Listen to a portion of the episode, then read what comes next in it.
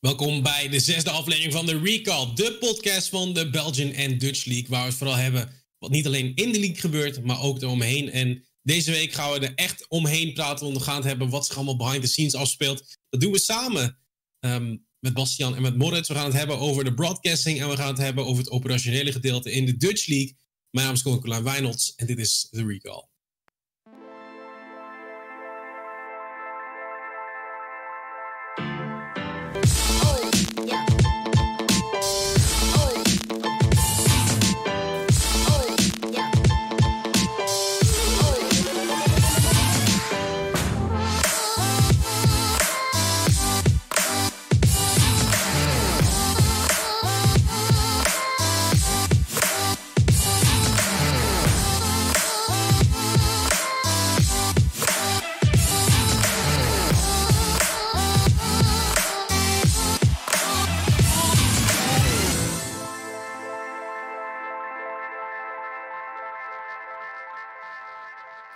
Nogmaals welkom bij de zesde aflevering van de Recall, waar we deze week hebben over alles wat er gebeurt uh, behind the scenes. Dus samen met uh, Bastian Stolky Stolk, dat is heel gek om te zeggen, Moritz Radical 3i van de lucht en Maurits Klondiker Meeuwse. Uh, ja, heren, welkom in ieder geval. Bastian, je zit op mijn stoel. ja, sorry. Ja, ik moest een beetje een statement maken. een statement. Ja, Moritz, gelukkig zit, je, zit jij niet op mijn stoel. Want ik weet niet wat er nee, jouw stoel hoop, is. Ik hoop niet dat dit jouw stoel is. uh, volgens mij, die stoel die gaat volgens mij al even mee. Uh, als het zo ja, ja, ja, deze heb ik uh, van, van elke woning naar de volgende genomen. Ja, mocht je het willen zien um, en, en mocht je dit via Spotify luisteren tegenwoordig ook te vinden zijn of podcast, dan moet je even op het YouTube kanaal van Gamer kijken. Of anders gewoon elke week live erbij zijn op Twitch vanaf 7 uur. Um, ja, Maurits, oh Maurits en Moritz, dit wordt heel leuk. Dit wordt heel mm -hmm. leuk. We gaan nog heel erg. Uh, ik, zal, ik zal de vragen zo goed mogelijk stellen. Dat, uh, want ik denk dat Maurits iets minder weet van het operationele gedeelte van Dutch League. Uh, en vooral heel veel weet van wat er gebeurt in de Dutch League. Um, want daar is het eerste waar ik het over wil hebben. Twee insane grote setups of upsets. Ik weet niet of je nou aan het pranken bent of ja, niet. ik ben heel een beetje aan het pranken. Oké, okay, wel. Ja, want ik heb er heel veel moeite mee. Hè? Ik kan er niet tegen als woorden verkeerd om uitgesproken worden. Ja, het was echt een hele mooie week. Uh, de upsets uh, zijn natuurlijk degene waar denk ik de mensen het, het meest naar gaan kijken. Hè? Um, eigenlijk in, in, in beide competities was er heel veel spanning. Mm. En ik denk dat het feit dat Frail eindelijk hun losing streak pakt, dat uh, MCON gewoon een, hun eerste win van de competitie pakt. Dat zijn gewoon wel momenten waar het voor doet. Maar ook Belgian League was heel erg spannend deze week. Ja, Etra die een win pakt. Of dat was vorige week trouwens, sorry. Oh, dat is vorige week. Eva die uh, heeft... Uh, de, uh, ja, dat was vorige uitei week. Uiteindelijk KVM die bijna wint tegen Sector 1, maar net niet. Anderlecht die een overtuigende win pakt. 7M was denk ik meer de upset. Hè? Want dat ja, was eentje die, zo, ja. die, die, die, ook niet per se verwacht was. ik had zelf de Brussels Guardians voorspeld. ging helemaal fout. ja, het, het, het, het is weer even de vraag wat er nu gaat gebeuren. Want, want de playoffs komen natuurlijk weer eraan. En, en ik weet dat in de Belgian League, zeg maar, volgens mij kan de bottom 4, iedereen kan nog naar de playoffs gaan. We hebben letterlijk dezelfde situatie hebben ons voorgesplit.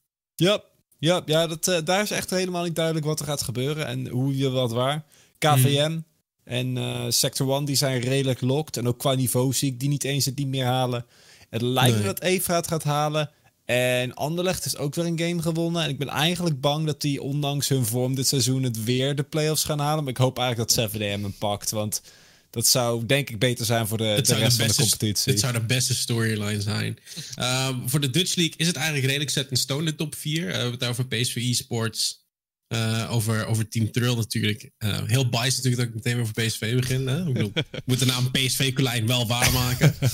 um, Echo Zulu en uh, als ook de Lone and Lions. En dan kan het eigenlijk heel, heel spannend worden in wie nummer 2 wordt, wie nummer 3 wordt misschien zelfs wie nummer 4 wordt in, in, in sommige teams, in geval worst case scenario, Maurits.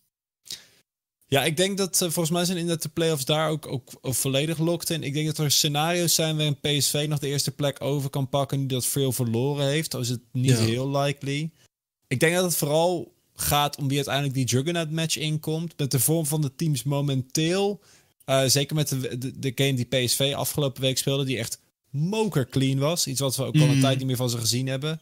Uh, Ja. Maar echt, echt, echt absurd. Uh, eh, zeg maar one-sided. verwacht ik hier eigenlijk dat het voor in ieder geval de Juggernaut match veel tegen PSV wordt. Ja. Ehm, maar voor een finale durf ik echt niet te zeggen, want ik heb het gevoel dat ieder team upset potential heeft in playoffs. Ja, ja, want dat is het interessante. Ik ga ermee naar Bastian. Want Bastian, je zit echt al super lang ook in de League of Legends scene in de Benelux.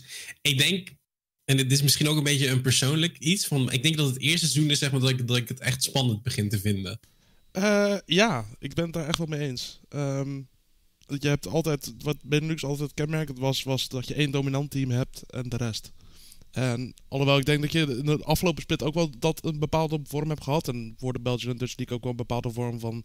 Je hebt wel spannende momenten. Zeker als je de split had tussen ISO Proximus en ISO Nederland en dergelijke. Had je wel, die leaks hadden hun ding. Maar ik Ja. heb zelf nog nooit zo veel van Benelux esports enjoyed als dat ik het nu doe. Als Ehm, ja, Bastian, nu, nu, nu we toch bij jou zijn. ehm meeste mensen kennen je als hashtag BlameStalky. als, eh, als eh, hoe- zeggen we het netjes? Want we hebben altijd een naam. eh, Zeg maar, het begint met schakel en het eindigt met Eve. Eh ze noemen jou druk op knopjes. ja, maar nee, maar je doet natuurlijk veel meer. Zeg maar. wat, wat is hetgene wat je precies doet bij Meta? Ehm, nou ja, ik werk dus bij Meta inderdaad. En ik ben Head of Production. Dat is een officiële titel momenteel. Dat houdt eigenlijk in dat ehm, alles waar wij technische realisaties moeten doen met video, audio, whatever. ehm, Mhm. Daar zit ik in een bepaalde mate bij. Ja. Ehm, en mijn meeste werk zit daardoor ook wel in de Belgian Dutch League. Want dat doen wij eh, drie uitzendingen per week van natuurlijk. En ehm, we bereiden offline finals voor, et cetera, et cetera. En Mhm. ehm, in, de, in de aanloop daarin is het altijd heel veel voorbereiding. Als in de studio waar ik nu zit, dat is ontwerp, ontworpen door mij. eh, Samengebouwd Oké, door mij en mijn collega. Ja, hey. Ik heb meubilair zelfs gekozen. Daar ben ik nog steeds blij mee. Ja, dat- ja, dat klopt. Dat heb jij nog in gezegd. Ik, ik kreeg ooit een keer, het is echt in het begin van de league, kreeg ik een WhatsApp berichtje van jou van, eh, want ik, ik was ik klaag heel graag. Aha, feit. En eh, ik, de, we hebben ooit hebben Yumi in de LEC gedaan. Dat was, was een programma waar we over de LEC praten. Dus dat wil ik ook graag een beetje in de geschiedenis laten. Maar ik klaagde altijd daar zeg maar over, over de kruk waar ik op moest zitten. Dat ik daar gewoon niet chill vond. Ja, ik dus, heb je uiteindelijk in een, in een gaming chair ernaast gezet. Dat zag er helemaal niet uit. dus ik kreeg aan het begin van de split kreeg ik dit foto's doorgestuurd van meubelwinkels. Van is dit wat? Vind je dit prima? Vind je dit goed? Ja. En op, op die manier zeg maar, het is eh, ja, dus als je, als je, als je zeg maar een, een binnenhuisarchitect nodig hebt of interieur. eh, Ik moet eerlijk zeggen, ik heb mijn moeder gevraagd om advies. Heel eerlijk, dat is heel eerlijk. Ehm, eh, ook aan de virtuele tafel is Moritz. Ja. Dat is anders dan Maurits. Ehm, ja, Moritz, je, je was een beetje, vooral voor League of Legends zien, denk ik, een beetje een naam die uit het niets opdook. Kan ik me wel voorstellen, inderdaad, ja. Ik heb wel lang in de Benelux scene rondgehangen, maar dan eh, met oorsprong altijd vanuit Counter-Strike. En Ja. eh, vrienden gehad, genoeg, die ook League of Legends ingingen. Eh, Norbert, Brandon, eh, om er een paar te noemen. Ik denk dat mensen ja, ja, ja. We hebben het langer rondhangen. Norp en Norp- Brenache. Ja. Inderdaad, die, eh, die er al langer mee hangen, die herkennen die namen ook wel van vroeger. Hmm. Eh, maar nee, dit is de eerste keer dat ik echt, echt diep in de, in de league eh, eh, Ja, iets, maar- iets doe. Want je staat ook bekend als Juan. Een soort van. eh Kun je daar iets over uitleggen? Ehm, dit was echt ook al zes jaar geleden, denk ik. Toen heb ik een keer een eh 24 uur stream gedaan voor Counter-Strike, waar ik alleen maar met de Deagle speelde. En Ja. eh, toen was het allemaal in de band van een Juan Diego Montoya, die, eh, die, die, die vroeger een legende was met de Deagle. En die moest ik vereren op dat moment. Was echt hartstikke leuk, dat sowieso. Ja, dit is een beetje waar jouw legacy vandaan komt. Ehm, maar toch, de meeste, meeste mensen, ik denk vooral de mensen zeg maar, die in de Dutch League spelen, die, die echt daadwerkelijk in een team zitten, die, die kennen jou als de League Operations voor de Dutch League. Ja. En Leek, zoals ik, heeft geen idee wat een League Operations precies doet. Ehm, verschilt heel erg. In principe, eh, met een heleboel hulp überhaupt van allerlei mensen bij Meta, waaronder natuurlijk Bastiaan ook, die, die de productiekant eh, de kar vooral trekt. Eh, Mhm. Maar ik leid dingen van, van A tot Z of A tot I misschien eerder, eigenlijk in goede banen. En eh, dat, dat is dan alles van inderdaad eh, productiehulp geven tot eh, de, de structuur van de competitie opzetten en, en verder begeleiden. Contact met de teams. Ik bedoel, noem maar op eigenlijk alles wat je kan bedenken wat met de leagues te maken heeft. Heb ik wel in enige vorm of mate ook iets zelf mee te maken om te zorgen dat het allemaal strak loopt. Ja. Ja, toch is het, is, als je het over nadenkt, is het een beetje gek natuurlijk. Je, je zegt, ik kom uit de CSGO scene. Je, je had wat, wat vriendjes hier en daar in de vorm van een Brennash, van een Norp. Die ondertussen volgens mij ook fossielen zijn geworden. Ja. Um, hoe, ben jij, hoe ben jij in de Dutch League terechtgekomen dan? Hoe ben je in één keer in een League of Legends team terechtgekomen? Nou, kijk, in principe, als je het mij vraagt, had dit, had dit welk spel dan ook kunnen zijn, wat dat betreft. In de zin van, uh, ik, ik, kreeg de taak om dus op een gegeven moment de competitie op te zetten. Maar of het nou voor League of Legends was, of Hello Kitty, of noem maar op, dat had niet echt het verschil uitgemaakt. Het was er maar een e-sports van. Ik was, was er maar een e-sports van, ja. Maar dat, dat, uiteindelijk gaat het er om over om een, om, een, om een sterke competitie neer te zetten. En het spel is dan, ik wil niet zeggen bijzaak, maar dat is dan niet het meest belangrijke voor een goede competitie neer te zetten. Dit zou je ook kunnen uh, doortrekken naar in principe andere games en dergelijke. Hmm. En ik moet zeggen, als ik dan inderdaad wel informatie nodig heb of vragen heb wat, die wat specifieker zijn met League, dan heb ik talloze mensen om me heen die wel echt heel veel ervaring hebben in de league zien. Waar ik dan inderdaad informatie van krijg en, en vragen kan stellen ook uh, voor de wat genuanceerdere dingen. Waar in de league zien hoe is dat zo gegaan in de afgelopen jaren. Wat is handig qua format, wat is handig qua uh, bepaalde rulesets, et cetera. Dat, dat ik daar wel echt heel veel ook feedback en hulp krijg van andere mensen die veel Ja. meer de, de gedetailleerde kennis hebben. uh, over nou, League of Legends specifiek. Om het dan echt die League of Legends draai te geven en daar helemaal klaar voor te zijn. Ja, je vraagt mensen dus eigenlijk eh, wat je moet doen, daar komt het op neer. Vaak wel, inderdaad. Ja. En dan gaat Maar het en- gewoon over de juiste vragen stellen. Ja, want, want een van zo'n mensen, dat is denk ik ook Bastian. Bastian, je- Ja. je, loopt ook al heel lang rond hier, denk ik, in e-sports. Ehm, ik kreeg toevallig eh, gisteren een Facebook memory. Dat het eh, officieel 6,5 jaar is eh, sinds ik begonnen ben in e-sports. Sinds je geboren bent. geboren bent als... Het is 6,5 jaar... Ge...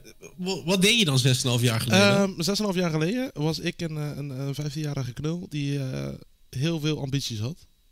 Ehm, waaronder, ik wou een e-sports team maken, want ik had een vriend van me die heel erg goed was in League of Legends. Uh, Hmm. Ik zelf absoluut niet, maar die vriend van me was Dat heel erg goed. dat hoeft dan ook weer niet. Die vriend van me was heel erg goed. Diamond Pot vanuit 2, de ketel, eh, Colin. Ja. ja, ik ben on fire vandaag. En toen eh, was het eigenlijk zo van, ah, dan, dan ben ik dus heel ambitieus en dan ga ik een heel marketingplan doen en weet ik het allemaal. Dus daaronder zat Ja. market research en toen kwam ik eigenlijk tegen dat er al e-sports teams bestonden in League of Legends. Mm. Ehm, en dan heb ik het niet over de Fnatic en zo, daar wist ik wel van. Want, eh, maar dat ook in de Benelux al teams waren. Lowland Lions, Mouse Control, eh AC Visualize, AT Gaming, et cetera, et cetera. En toen Ja. heb ik me eigenlijk gewoon gezegd van oké, ik gooi dat plan uit eh, het raam uit. Ehm, en ik meld me aan bij een van die organisaties. En dat was uiteindelijk Mouse Control. Wat nu MCON Esports is. MCON eSports Rotterdam, hè? Eh, Die nu oh, in 010 ja, kan gaan. Dat ja. had echt perfect geweest trouwens. Als zij 010 gingen, voor marketing purposes was het perfect geweest. Maar ik denk dat we het met een 1 a- 1-9 of 2-8 moeten gaan doen. Uh, alhoewel, er zijn nog drie matches, dus en wie weet wat er nog allemaal kan gebeuren. Dan moet je gewoon elke dinsdag kijken op GameLix Dol. Ehm ja, Maud, het is een beetje het begin van de Dutch League. Ik weet niet of je dat nog kan herinneren. Ik denk dat het ergens terug in oktober was of zo. Waren we op Gameforce Masters. En toen kregen wij dat was niet alleen wij tweeën, maar ook gewoon zeg maar de andere cast die erbij waren. Denk, denk aan Xavier en denk aan Bart en zo. En iedereen die erbij was. Kregen we in één keer geluidjes van... hey, eh, er is een kans dat we de IRL krijgen bij For Entertainment toen nog, nu Meta. We- weet je nog wat- er toen door je heen ging? Ja, ik had echt zoiets van, ja, dat zal wel. La is muziek. ik, heb, eh, ik heb heel erg, eh, heel erg veel, veel enthousiasme, maar ik heb ook wel geleerd dat heel veel van de dingen die, graag, we, die we graag willen dat er gebeuren, ehm, dat, dat die dan niet per se doorkomen. Maar toen het eenmaal daadwerkelijk door was gekomen, was ik echt heel, heel erg blij Ja. ermee. Want ik denk dat het Benelux echt toe was aan ehm, de mate van professionalisering. En de volgende stap die gezet moest worden in het e-sport landschap. En ik denk dat het Belgian en Dutch League de afgelopen anderhalve, bijna twee splits ook hebben laten zien dat ze dat meer dan waarmaken. Ja. Mo- Moritz, je houdt je vooral bezig met de Dutch League, toch? Of, of ben je ook met de Ah, Belgian in League principe soms? allebei eigenlijk grotendeels. Omdat het echt zusterleagues zijn en, en nou, praktisch identiek met de opzet en dergelijke. Um, Hmm. Ik heb dan Davy die ook bij Meta zit, die dan eigenlijk het, voortouw of de, de, de spokesperson is voor de Belgian League. Maar eh meest operationeel op de achtergrond dan, dan voor beide leagues kan je bij mij terecht. Ja.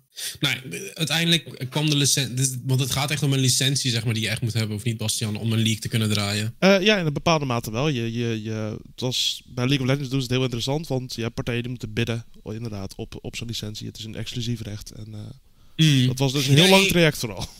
Ja, ik kan me nog wel eens herinneren dat jij, is zeg maar die periode geweest tussen oktober en november, dat je ik bedoel, ik ben zelf ook niet iemand die heel vroeg naar bed gaat. Maar er was een periode, zeg maar, dat ik echt zeg maar, wel eens de zon zag opkomen. Maar dat jij dan ook gewoon nog steeds online was en bezig was met weet ik veel wat allemaal. Ja, er waren vooral heel veel verzoekjes vanuit eh, het sales team wat we met, met haar werk. Die dat natuurlijk allemaal moet eh, verkocht krijgen bij een partij als Riot Games. Eh, met heel veel last minute verzoekjes van, oh, kan je dat document als sample even tonen? Ehm, dus dan heb je het bijvoorbeeld over run of shows en showconcepten en dergelijke. En, en verwachte kijkcijfers en, en dergelijke. Dat, dat zijn dingen, ja, dat, dat komt dan vrij laat bij mij terecht. En dan ben ik dat om vier uur s'nachts nog aan het uitwerken. Ja, ja want, want dat begin, zeg maar. We hebben, we hebben het hier wel eens over gehad, maar vooral onder elkaar, uh, Moritz.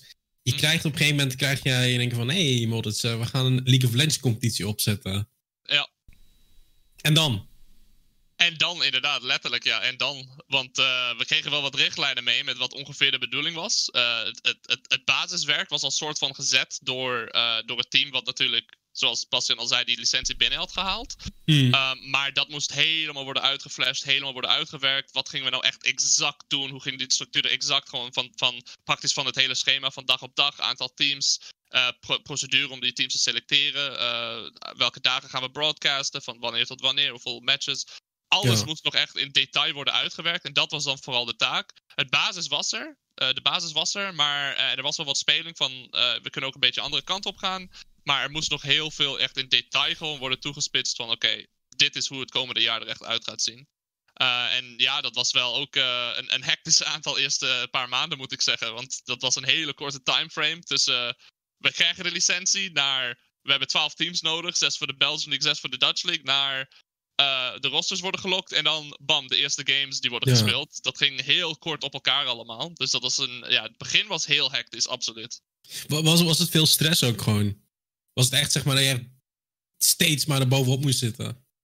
Ja, ligt eraan. Ik bedoel, uh, ik, ik, kan, ik vind het zelf wel fijn om een beetje druk te hebben. Om, om gewoon dan weet je wel goed en efficiënt te kunnen gaan werken. Heel hmm. stressig zou ik het niet per se noemen. Uh, want we zaten wel in, in, in goede, goede richtingen te, te werk te gaan. Dus dan. Ja. Ja, oké. Okay. Er, er, komt wel af en toe wat stress bij met wat onverwachte dingen. Of het is inderdaad doordat je weinig tijd hebt. Maar uh, al met al was er wel een goed idee van wat er moest gebeuren. En uh, dat houdt dat bakend het stress ook gelukkig wel een beetje af. Dus uh, het was hectisch, maar ik zou het niet super stressvol noemen per se aan het begin. Ik, ik denk voor Bastian dat het echt heel anders was. Dat dat, dat wel heel een, een redelijk stressvolle periode. Want ik bedoel, ik, ik ken Bastian ook al langer. Ik denk Bastian, ik nu, nou, ik denk meer dan 50, 60 shows samen hebben gedaan. Uh, ja. Ik denk wel zoiets. Uh, ik, het is voor maar wij, meestal. Uh... Meestal als je mij ziet, zit Bastian zeg maar in mijn oor te, te schreeuwen dat ik iets niet goed doe of dat ik iets vergeet of weet ik wel. Net zoals dat je kunt tweeten met hashtag the recall, weet je wel, dat soort dingen, dat weet ik dan altijd. um, nee, maar die periode, ik weet, ik weet zeg maar dat jij heel perfectionistisch bent wat dat betreft en dat je heel ambitieus bent en soms misschien iets te ambitieus. Ik denk dat zeker de ambitie die ik had uh, met, uh, met het hele project uh, um, eerst heel erg de bocht uitvloog, zou ik maar zeggen, en daarna netjes teruggeschroefd werd door onder andere Moritz. Um, mm. En gewoon limitaties qua funds en middelen en dergelijke. Um, het was voor mij natuurlijk ook wel van. Ik, ik heb, ben opgegroeid met League of Legends. Als in mijn e-sports carrière is opgegroeid met League of Legends. Dus ik wil het beste neerzetten. Ik wil de volgende LEC zijn.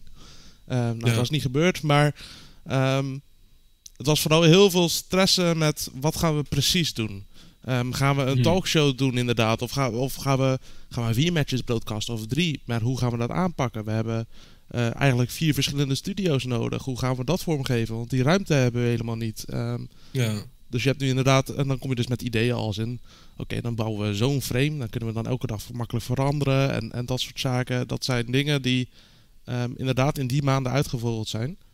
Um, en alhoewel ik denk dat er heel veel stress was, hebben we wel het mooie bij het bedrijf waar, waar we hier aan werken, is dat iedereen daardoor wel heel erg um, target ge gefocust gaat werken. Als iedereen gaat zijn eigen ding doen en zorgt dat dat ding goed is. Mm. Um, misschien dat daardoor communicatie hier en daar nog een beetje iffy kan worden. Maar vooral iedereen doet hun ding en dan komt het uiteindelijk toch weer bij elkaar samen. En dan heb je natuurlijk wel de eerste...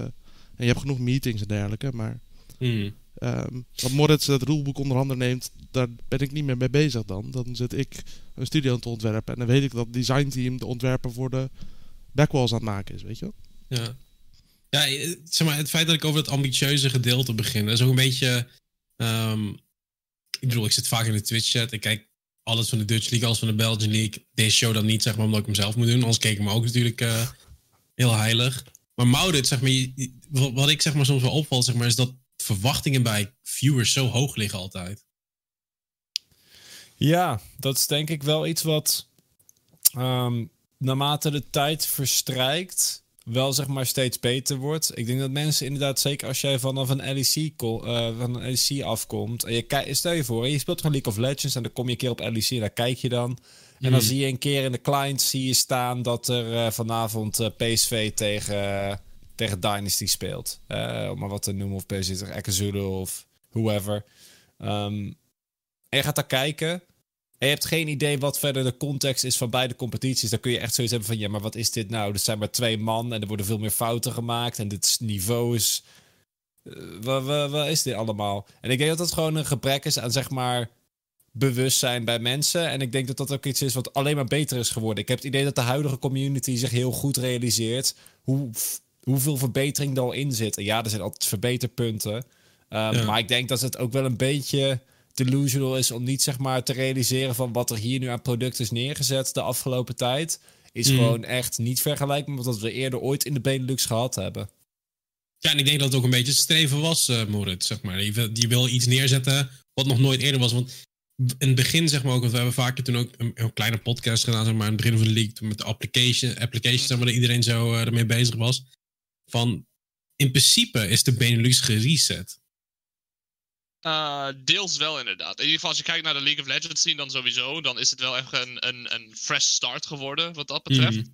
Ehm, en we mikten dus ook al, zoals jullie zelf zeggen, we mikten echt hoog. We wilden ook echt gewoon een nieuwe start hiermee maken. En dat dit een soort keerpunt zou zijn eh, voor de professionalisering van de scene al met al. Maar dat gewoon esports in de Benelux die volgende stap kan gaan zetten. En eh, dat is nog steeds overkoepelend een van de belangrijkste doelen. Want eh, nu is misschien de Belgian League en de Dutch League hetgeen wat, wat eh, nu de voorgrond krijgt. Maar in principe moeten andere producten, andere e-sports dingen in de Benelux eh, ook deze kant op gaan. Wil je met de scene in zijn geheel die richting op gaan dat e-sports fulltime kan gaan worden. Zoals in het Duitsland en in Frankrijk, zoals de andere landen om ons heen, waar Ja. dat al het geval is. Ik, ik ga even door je heen, wel, maar, want je zegt van, we hebben de lat heel hoog gelegd. Is die misschien niet iets te hoog gelegd ook, wat dat betreft? Want we hadden het net al met, met Bastian ook over, zeg maar, van ja... Kijk, Bastian die wil gewoon het beste van het beste. Die wil gewoon een LEC 2.0 neerzetten. Ja. Daar heb je gewoon niet de mensen en niet de middelen voor, denk ik, in deze regio op dit moment. Klopt, dat, dat jammer genoeg niet. Het zou natuurlijk heel mooi zijn om hier ook een LEC, volop LEC-productie te kunnen doen. Weet je wel, met Mhm. alle teams die offline spelen en, en Ik ben ook minder die knappe dingen. shocks, dat helpt ook niet. ja, Kunnen we aan werken, Colin? Inderdaad, het Colin of a Shocks. nee, eh, maar wat dat betreft, we hebben hoog gemikt. En ehm, ik denk dat we zeker niet alles wat we in het begin van het jaar eh, op hadden gemikt gaan, eh, gaan behalen. Op dezelfde manier als dat we dat toen in, eh, voor ogen hadden. Maar we gaan wel echt goed die kant op. En we hebben zeker wel de stappen gezet om, om dus, nou wat ik al zei, richting die professionalisering te gaan. In ieder geval van de tournament organizer kant denk ik dat we daar heel goed op weg zijn. En ik denk dat we eh, voor de teams ook wel een, een soort opstapje hebben gecreëerd dat ze kunnen gebruiken om ook die richting op te gaan. Eh, maar er valt nog veel werk te doen. Eh, zowel voor ons, zowel voor de teams, voor, voor eigenlijk het hele plaatje is er nog wel echt veel Ja. werk te doen voordat ik zou kunnen zeggen: oké, nu zijn wij op hetzelfde niveau als Frankrijk, Duitsland, noem maar op, de, de neighboring countries. Ja, ik bedoel, me- mensen zijn heel, heel luid erin. Zo van, oh, dit gaat niet goed, dat gaat niet goed, oh, dit is niet fijn, dit willen we niet. En eh Bastiaan, je bent best wel notorious, denk ik, ook al met je meningen op, eh, op social media soms. Ja, Ehm, klopt. Als je, als je soms feedback krijgt, wanneer vind jij iets goede feedback en wanneer niet? Ehm, nou, sowieso ben ik altijd wel iemand die zegt van... eh, ik probeer altijd objectief naar dingen te kijken. Maar als ik net uit een show kom van, van 6 uur en een draaidag van 12... Dan kan ik wel dat even uit het oog verliezen. Dat moet ik eerlijk zeggen gelijk. maar het is voor mij... Goede feedback is iets... ehm, als je eh, kan formuleren op een manier waarop je zegt van... eh, het zou beter kunnen zijn door dat te doen. In plaats van wijzen op fouten.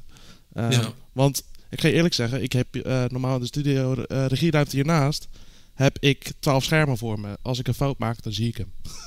en ik weet waarschijnlijk ook gelijk ook hem kan fixen. Maar hij is wel gebeurd. Heel sorry ervoor. Eh, Ja. Totdat je Dutch League notificatie ziet bij de Belgian League dat ik pas in game 3 zag. Maar ehm, het, het wijzen van fouten is iets wat eigenlijk nooit echt goed werkt. Uh, want elke fout is al gezien. Uh, want de, de, we hebben ook een heel team. Al onze collega's kijken ook de Dutch en Belgian League. Uh, mijn WhatsApp blaast op op het moment dat er een fout is. Mm. Um, dus als jij goede feedback hebt, dan moet je dat vooral posten. Of mijn DM's zijn altijd open. Ik lees alles. Probeer alles maar denk te lezen. Je, denk je dat er ook veel ergens misschien een beetje onbegrip is bij het publiek ook? Zeg maar dat ze denken van, oh, weet je, ga er maar zitten en doe het maar even. Iedereen kan dit. Ja, absoluut. Um, ik denk echter dat ook de laatste tijd ben ik wel anders gaan kijken daarnaar hoor. Uh, met, met corona en alles vanuit huis, dan ben ik toch wel gaan beseffen van hé, hey, um, mm. soms maken we dingen wel, wel vrij moeilijk voor onszelf. Um, maar aan de andere kant is het inderdaad wel, hey, het is, uh, het is zoveel complexer dan je zou denken um, als de, de persoon die thuis de stream aangooit met zijn vriend naast hem. Ja. Uh, want het zijn inderdaad vier studio's die met elkaar praten en dan op een gecentraliseerde plek samengebracht worden uh, met uh, ik denk, honderden ik denk, zeg meters aan kabel.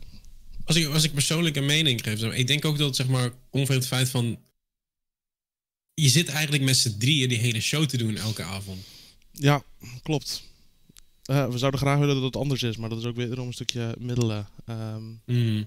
Het is, uh, we ambiëren om inderdaad een, de, de, de Prime League en uh, de, de Franse leagues te volgen, de LFL en misschien Spanje. Uh, maar Duitsland en Frankrijk liggen heel dichtbij in hoe ze hun shows aanpakken, hoe ze hun setups hebben, hoe hun leagues draaien. Um, maar ik was laatst nog in een gesprek met de jongens van, van Riot Duitsland. Hun zitten wel met 20 man op een show. Elke ja. dag. En ja, U, UKLC was ook, uh, ook het dubbele. Van wat Ja. wij, iedere, iedere show wat wij in de studio hebben. Wij hebben soms twee streams lopen in plaats van één. Hmm. Ja, ik, ik denk wel dat er heel veel, heel veel misconcepties zijn. En ik denk een van die concepties, misconcepties is, uh, van de geluiden die ik soms hoor, is van de league doet niet zoveel voor de teams, wordt het. Um, volgens mij was dat ook iets wat Philip inderdaad noemde van uh, Lowland Lions in een eerdere recall. Uh, dat is ook een van de dingen waar we in het begin echt. Uh, dat hadden we echt hoog op het lijstje van daar moeten we echt zoveel mogelijk mee doen. Want het is. Kijk, die professionalisering die ik noemde, die moet van alle kanten komen. en het zou mooi zijn als wij dan ook de teams wat dat betreft zoveel mogelijk kunnen ondersteunen om die stappen te maken. Nu is er wel een platform door middel van de Belgian League en de Dutch League die, die, die, dat goed mogelijk maakt uh, voor teams om in ieder geval mee te doen en, en die exposure en dergelijke te krijgen. Uh, en dat helpt hen, maar wij wilden wel een stapje verder gaan en nou, workshops en extra ondersteuning bieden voor de teams, zodat zij als organisatie eigenlijk een stapje verder kunnen gaan. Ja. dat is nog niet zo goed gelukt als dat we zouden willen. Mede, oké, okay, de hele situatie met corona, dat helpt natuurlijk ook echt totaal niet mee in dat geval. Uh, we hadden workshops, uh, dat was in principe de bedoeling. Maar nou, daar komt er een hele waslijst van andere dingen opeens op je af met het corona-verhaal. Die, uh, die dan wel sowieso prioriteit krijgen. Mm. Um, teamondersteuning is een van de dingen, daar, daar willen we zeker meer mee doen. En daar hebben we nu ook goed van geleerd. Dat, nou, hoe, hoe de competitie algemeen moet runnen. Dus nu kunnen er langzamerhand ook meer aandacht worden besteed aan die andere zaken dan gewoon de competitie op zijn benen krijgen. Zoals inderdaad, nou, teamondersteuning. Ik, ik vind het interessant dat je over, over corona begint. Want dat is iets wat ik zeg maar ook even wilde. Ja, toch over moest praten. Want het heeft op iedereen impact gehad. Maar ook heel erg veel op. Nou ja, de doelen en ambities. En ik helemaal op, broadcasting vlak. Ik bedoel, je hebt de media day die niet door kan gaan. Want je kan niet met mensen in één ruimte zijn. Um, we, moesten vanuit thuis gaan, uh, gaan werken. Uh, internetconnecties waren natuurlijk overbelast omdat iedereen thuis zat en internet gebruikte. Oh. Uh, ja. Ik denk de laatste paar maanden. De laatste paar maanden waren een beetje een hel, denk ik, Bastian. Um, ik zou zeggen, ja, de laatste paar maanden waren wel weer oké. Okay. Uh, het was zeker. Uh, nou ja, was daarbij in fysieke vorm op dat punt nog. Uh, we, we, zaten de, we gingen de eerste playoff week in dat het eigenlijk in Italië helemaal fout ging. Um, met daar inderdaad dat cruiseschip en toen opeens een haven die helemaal besmet was. En toen ging het maar door en door en door. Um, uh, met als eindresultaat dat we eigenlijk uh, bij playoffs zouden je, zou jij hier in deze ruimte zitten bij mij.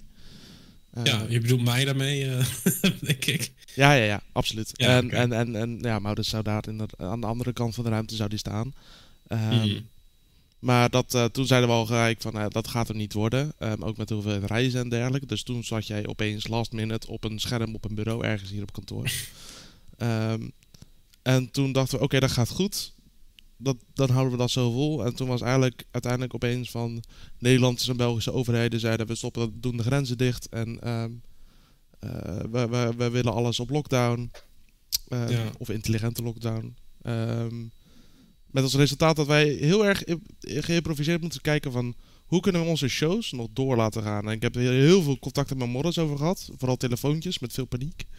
Hmm. want we kwamen een show uit. En toen was dat eigenlijk net aangekondigd. En toen was het eigenlijk ook wel het moment van... Als je nu de grens overgaat, kom je mogelijk niet direct meer makkelijk terug. Ehm, wat gaan we doen? En toen was eigenlijk al heel snel de beslissing gemaakt... Oké, we laden alles in. We breken de boel af wat we nodig hebben hier in de, in de regiekamers. En iedereen gaat naar huis. En Maurits, hier heb je een microfoon en een webcam. Of een lamp. Ehm, Lampje. een lamp, ja. lamp. en en, en, de, en, de, en de, de, de Franstalige casters die kregen allebei een headset mee en weet ik het allemaal, zodat ze van het huis konden verbinden. En toen zijn Jeroen en ik, en Jeroen is mijn collega met, eh, die altijd op de Belgian League ook mee zit. Toen hebben we eigenlijk heel snel gezegd, oké, we moeten de transportwagen ingeladen en we moeten er vandoor. En toen eh, kreeg ik van Moritz coulance om de rest van de week niet meer uit te hoeven zenden. We hebben toen, eh, wat is het, vier dagen uitgesteld. Ja. Ja. ja, maar daar was ook toen heel veel onbegrip bij, bij het publiek, voor mijn gevoel. Absoluut, absoluut. Ik heb daar, eh, ehm, ik wil geen lelijke woorden Ik, zeggen, zag maar ik- een beetje met- ik zie Morris met zijn ogen rollen. Nou, overal, het is zo van, ik denk eraan terug inderdaad. En het, het, op zo'n moment dan, oké, dat, dat is als je een stressvol moment wil hebben, dan is dat wel een stressvol moment. Want ineens Mhm. eh, moet je inderdaad, wat Bastiaan zei, alles afbreken en alles moet doorgeschoven worden. En je hebt eh, problemen van hier tot daar en je moet met 40, eh 40 problemen eigenlijk in één keer even oplossen binnen een paar dagen. Ja. Ehm, ja, dat is gewoon heel hectisch op dat moment. En eh, ik kan me ook voorstellen natuurlijk voor de, voor de kijkers die dan zoiets hebben van ja, maar dat doe je toch gewoon even, soort van. Ik snap ook wel dat mensen die, die eh, niet precies weten hoe het er op de achtergrond aan toe gaat, wel eh, ook niet precies dan snappen hoe, hoeveel problemen dat eigenlijk met zich meebrengt op zo'n moment. Eh, want ja, je moet praktisch gezien, en heel veel respect voor Bastiaan wat dat betreft, een hele nieuwe show qua online helemaal gaan opzetten. bijna vanaf scrap.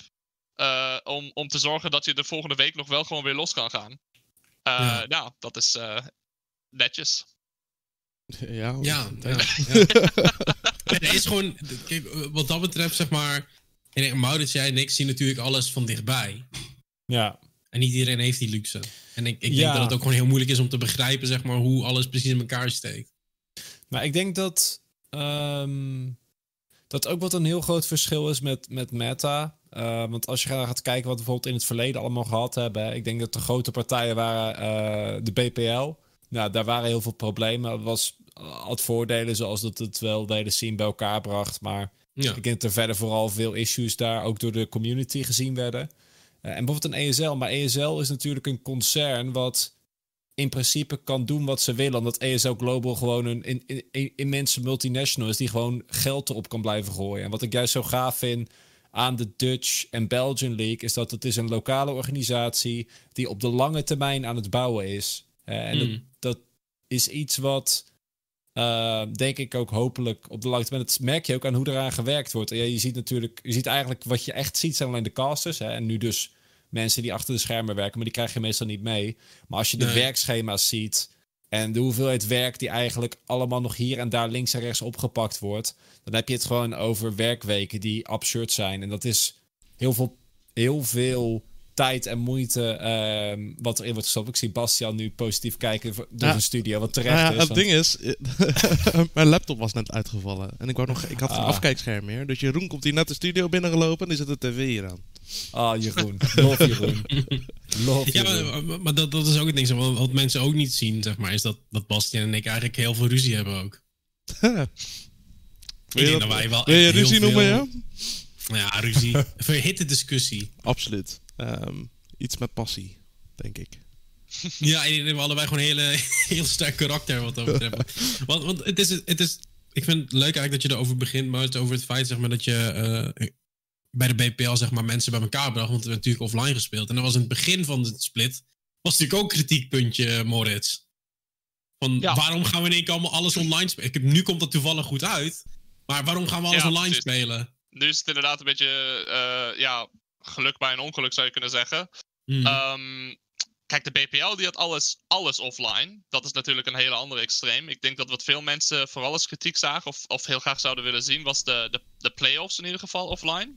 Uh, en Ja. dat is ook iets waar we nu vooral naar aan het kijken zijn naar volgend jaar toe. Want dat is niet iets wat je dan, als je de plannen al hebt gemaakt en, en inderdaad eh, resources geallocate aan zaken, dan kan je niet zomaar zeggen, oh, nou, we gaan ook nog even een hele offline playoffs eh erbij gooien. Dat is, dat, daar komt ook weer veel bij kijken. Ehm, dat zou ook alleen de finals en misschien de semifinals zijn. heb je weer een aantal dagen locatie nodig. komen veel kosten bij kijken. Productie moet daar naartoe. Nou, makkelijker gezegd dan gedaan in het kort. Ehm, Ja. Maar voor volgend jaar is dat wel iets waar we dan op mikken met de split playoffs. In ieder geval. Om te kijken dat, oké, kunnen we die op zijn minst offline trekken. Ehm, wat de BPL betreft van vroeger, en dat is ook iets waar ik zelfs eh, nog voor de leagues gestart waren, eh, in, in een aantal discords met wat eh, volk uit verschillende organisaties, was dat aan bod gekomen. Van is dat wel the way to go? Wil je wel überhaupt elke week teams forceren, praktisch gezien, om naar zo'n offline locatie te gaan? En eh, dan komt er sowieso bij kijken dat die kosten eigenlijk ideaal gezien natuurlijk door de tournament organizer gedekt worden. Je wil dus al die spelers daar naartoe kunnen, kunnen halen, zodat ze daar kunnen spelen. Heb je het eerste Mhm. probleem wat daar al bij komt, is imports. Een import, wat we nu al natuurlijk hebben met een boel eh, buitenlandse spelers, die eh, vanuit overal en nergens, laat ik zeggen, spelen. Nou, voor hun is het aanzienlijk moeilijker om elke week bijvoorbeeld dan één zo'n dag zo'n trip te moeten maken naar een Nederland of een België om daar op locatie te kunnen gaan spelen. Eh, daarnaast sowieso hebben spelers in, in de Benelux, dat zijn geen fulltime spelers. Je kunt lang niet zo makkelijk eventjes naar een locatie toe als jij gewoon de hele dag eh, hebt gewerkt. Of als jij gewoon de volgende dag moet werken. En jij moet dan Ja. om, om, om tien uur s'avonds moet je nog een match spelen. Misschien is er wat delay. Dat soort problemen die, die los je niet zomaar even op door alles offline te trekken. Eh, af en toe een dagje offline met split playoffs is denk ik dan natuurlijk een, een, een, een goed compromis die richting op. En ik denk dat dat Mhm. voor eh, ook de non-fulltime spelers nog prima kan werken. Eh, maar alles offline was vroeger denk ik te ambitieus. En het was denk ik toen ook te vroeg gezet binnen wat de organisaties en de spelers waar die klaar voor waren. En ik Ja. denk dat dat wel, ik ben wel blij, heel erg blij nu natuurlijk met de situatie al helemaal dat we alles online hebben. Dat, dat heeft dan daar een klein beetje koppijn eh voorkomen. Ehm, en nu is het een beetje opbouwen vanaf hier. Kijken, kijken hoe we samen met de organisaties op een beetje een, een, slim tempo, zou ik zeggen, weer die richting op gaan naar dingen offline trekken. Want het is wel een andere soort ervaring natuurlijk. Hmm. Ja, ik bedoel, de hele experience. Ik denk dat, dat fan creation is natuurlijk ook een dingetje wat, wat vanuit broadcasting heel erg eh, komt. Ik denk dat Bastian, zeg maar, dat is het ook heel vaak over hebben gehad. Van ja, hoe krijgen we eigenlijk mensen gekoppeld aan teams? Want als je over na gaat denken, dat is niet alleen de taak van organisaties, maar dat is ook een beetje onze taak als ja, productie eigenlijk. Ja, het is een topic dat nog steeds heel veel naar voren komt. Hè? Ehm, EME's van casters die voorrang krijgen, et cetera, et cetera. Ja, want dat is natuurlijk ook het kritiekpuntje dat mensen niet begrepen. Ik bedoel, ik kijk graag naar Maurits. Hè? Is Wie kijkt er niet graag naar Maurits? Iedereen. Zullen we dit niet doen, jongens? Iedereen kijkt graag naar Maurits. Ja, dat is Ik heb er Ehm, last van. Maar toch, toch was daar ook weer een geluid van hè, waarom, waarom hebben we geen spelers? Ja, en toen was ik ehm, op een gegeven moment, ik dacht zo van, hé, hey, op, op een bepaalde manier snap ik het absoluut. Ehm, ik kon me er ook wel in vinden. Maar ik heb toen ook wel gelijk vrij vocaal gereageerd toen ook, op, toen, toen dat op online kwam van, Hmm. hou even in je achterhoofd. We hebben wel misschien, even kijken, 6 keer 5, eh 30, 60 spelers. Eh, we hebben wel 60 spelers zitten, maar niet alle 60 spelers hebben een camera of willen dat soort dingen. Of eh, kunnen in een schema passen. eh, die bij ons op kantoor ook werkt. Eh wederom, we zitten wel met redelijk wat mensen die hier aan meewerken, maar Ja. we hebben ook allemaal schema's. En dat was wel iets van, jongens, er is meer dan dat. En daarbij, hey, Maurits is ook een personality in de Benelux die eh, ook wel een spotlight waard is. Of drie. Hmm. Ja, nogmaals, ik hoorde zeg maar heel veel geluid ook natuurlijk vanuit, vanuit de community. Wat, wat gebeurt er eigenlijk met dat geluid van de community? Je krijgt dan zoiets als een van, eh, weet je, de Dutch League is slecht. Om maar wat te stellen. Nou, Is als, als, gewoon als, als dat geluid is wat je hoort, dan, dan ga je Nee, heel weinig ik- mee kunnen. Nee, Nee, maar ik ik gewoon een bedoelt. voorbeeld, zeg maar. Ja. Ik, wil het, ik wil het ook gewoon niet te specifiek maken, want ik, ik denk dat heel veel mensen ook weten, zeg maar, als je een beetje Twitter volgt, als je een beetje Reddit kijkt, een beetje Ja. drama volgt, weet je wat er allemaal gaan is. Maar wat, wat gebeurt er eigenlijk op het moment dat zoiets, zo'n geluid binnenkomt? Ehm, afhankelijk van wat het is, voor heel veel dingen eh, zijn het zaken waar wij intern al over na hebben gedacht. En die wij al eh, gewoon hebben gediscussieerd. En, en zelf al Hmm. tot de conclusie zijn gekomen om tot nou, waar, waar we nu zijn. Of al met plannen hebben voor in de toekomst. Dus een aantal dingen zijn gewoon eh, nou, praktisch herhalingen van oké, dit hebben we al een keertje besproken intern. Ehm, en dan is daar een heel makkelijk antwoord voor. Nou, soms geen makkelijk antwoord, maar eh, het valt nooit op stille oren. We nemen het mee. Ehm, alleen niet alle dingen, niet alle, wat Bastian al eerder zei, niet alle feedback die je krijgt, is, is, kan je wat mee überhaupt. Het is, het is natuurlijk veel handiger om, om, om voorstellen te krijgen van, nou, dit, dit gaat niet goed met de league. eh, zo zou je het misschien anders kunnen doen. Of, of, of gedetailleerd wat er nou niet goed in gaat en, en waarom dat niet eh, goed wordt ervaren. Of het nou door de spelers is, door de kijkers, eh, door jullie als talent in principe ook. Ehm, toevallig heb ik een paar weken geleden nog, of, of de afgelopen paar weken, contact gezocht met een aantal mensen die buiten de scene hangen, of rond de scene hangen zou ik zeggen, maar eh, niet binnen het project actief zijn, dus unbiased wat dat betreft, om te Mhm. zien wat die er nou van ervaren. En dat zijn ook mensen waar, die vroeger feedback hebben gegeven, die input hebben gegeven, eh, en echt op een goede, goed gearticuleerde manier. Ehm, dus wij zijn ook echt op zoek actief zelfs naar, naar kritiek en feedback. Om te kijken van, nou, is hetgeen wat we doen, is dat wel het beste hoe het nu gaat? Vooral nu we in, dat, eh, in de tweede helft al van het jaar zitten, zitten we met dat traject naar 2021 toe. En nu gaat het erover, oké, we hebben nu 2020 gehad. Hoe kunnen we hierop verder bouwen voor 2021? Want dat moet nu al in de planning gaan zitten om dat dan goed te kunnen uitvoeren zometeen. Eh dus ja, kritiek wordt altijd gewaardeerd, al met al. Eh, voor, voor mij in ieder geval. Eh, stuur me maar wat je wil. Ik vind het helemaal prima. Misschien eh, wa- wat je maar kan bedenken. Misschien vind je dingen, vind je de bepaalde kleur niet mooi. Het zal maar. Stuur het me gerust. Mag altijd. Of een spetterplaat die... Ja, een spetterplaat die net wiebelt inderdaad. Eh, kijk, al is het de kleinste dingen. eh, soms zit er wel eh, goed kritiek tussen waar je inderdaad toch net niet aan hebt gedacht. Of toch net even een draai geeft aan iets waar je echt ineens wel zo'n nou, epiphany moment hebt en dan wat mee kan voor, voor een, een verbetering. Ik heb daar wel een leuk voorbeeldje van hoor. Ehm, ik denk dat uh, eigenlijk eind split 1 was er best wel veel kritiek over dat niemand gezichten bij spelers had, behalve het bier- en backscherm. Ehm, Ja. En toen hebben we voor playoffs hebben we, eh, heb ik en Patrick, dat is de, de lead designer bij Meta, hebben eigenlijk Alles de hele in-game... op je scherm. Ja, dat is door hem ontworpen. Patrick Of door. Kevin. Eh, dat is, Love Patrick. Ja. ja. Ehm, toen hebben we eigenlijk gelijk, ik denk de week voor playoffs, hebben we een major overhaul gedaan van de, van de in-game hut. Eigenlijk voor onder thema van, hey, we gaan playoffs in, dan moeten we het anders, of moeten we het fancier. En toen hebben we alle playerfoto's in de game gezet.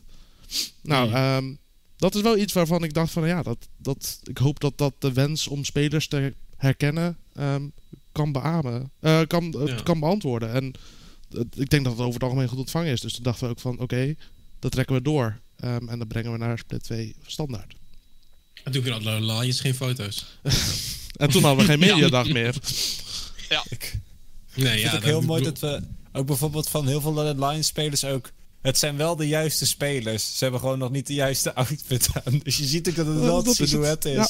van de persoon in kwestie. Ja, maar toch, als je, als je erover nadenkt, het feit dat je aan het silhouet kan zien van dat is die speler. Ben je eigenlijk op de goede weg natuurlijk. Als je Nee, aan het ik- silhouet al iemand kan herkennen. Ja.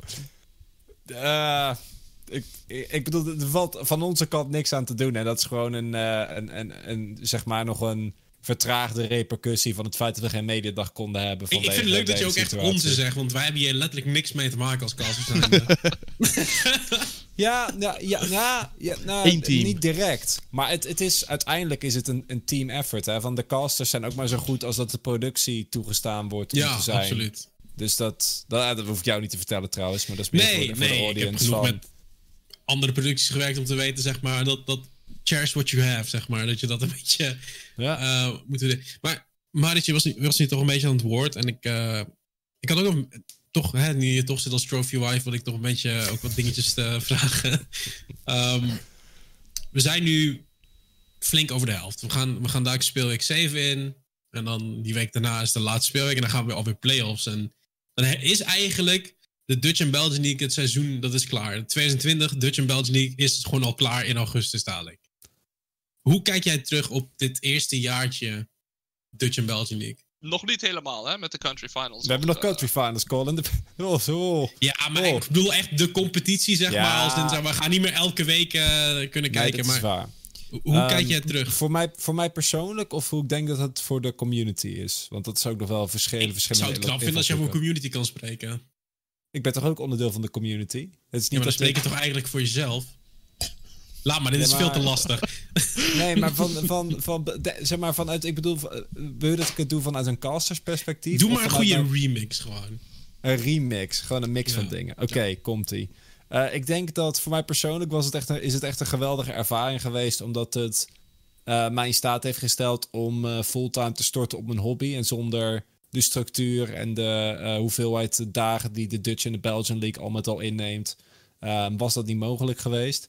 Ik denk Mhm. als overkoepelend, eh, zeg maar, competitie voor de scene, denk ik dat het ehm, heel veel hele goede stappen zet. En ik denk dat het ook ehm, heel veel verbeterpunten heeft gegeven in de meest positieve zin. Van, er zijn gewoon allemaal dingen waaraan gewerkt kan worden eh, over het komende jaar.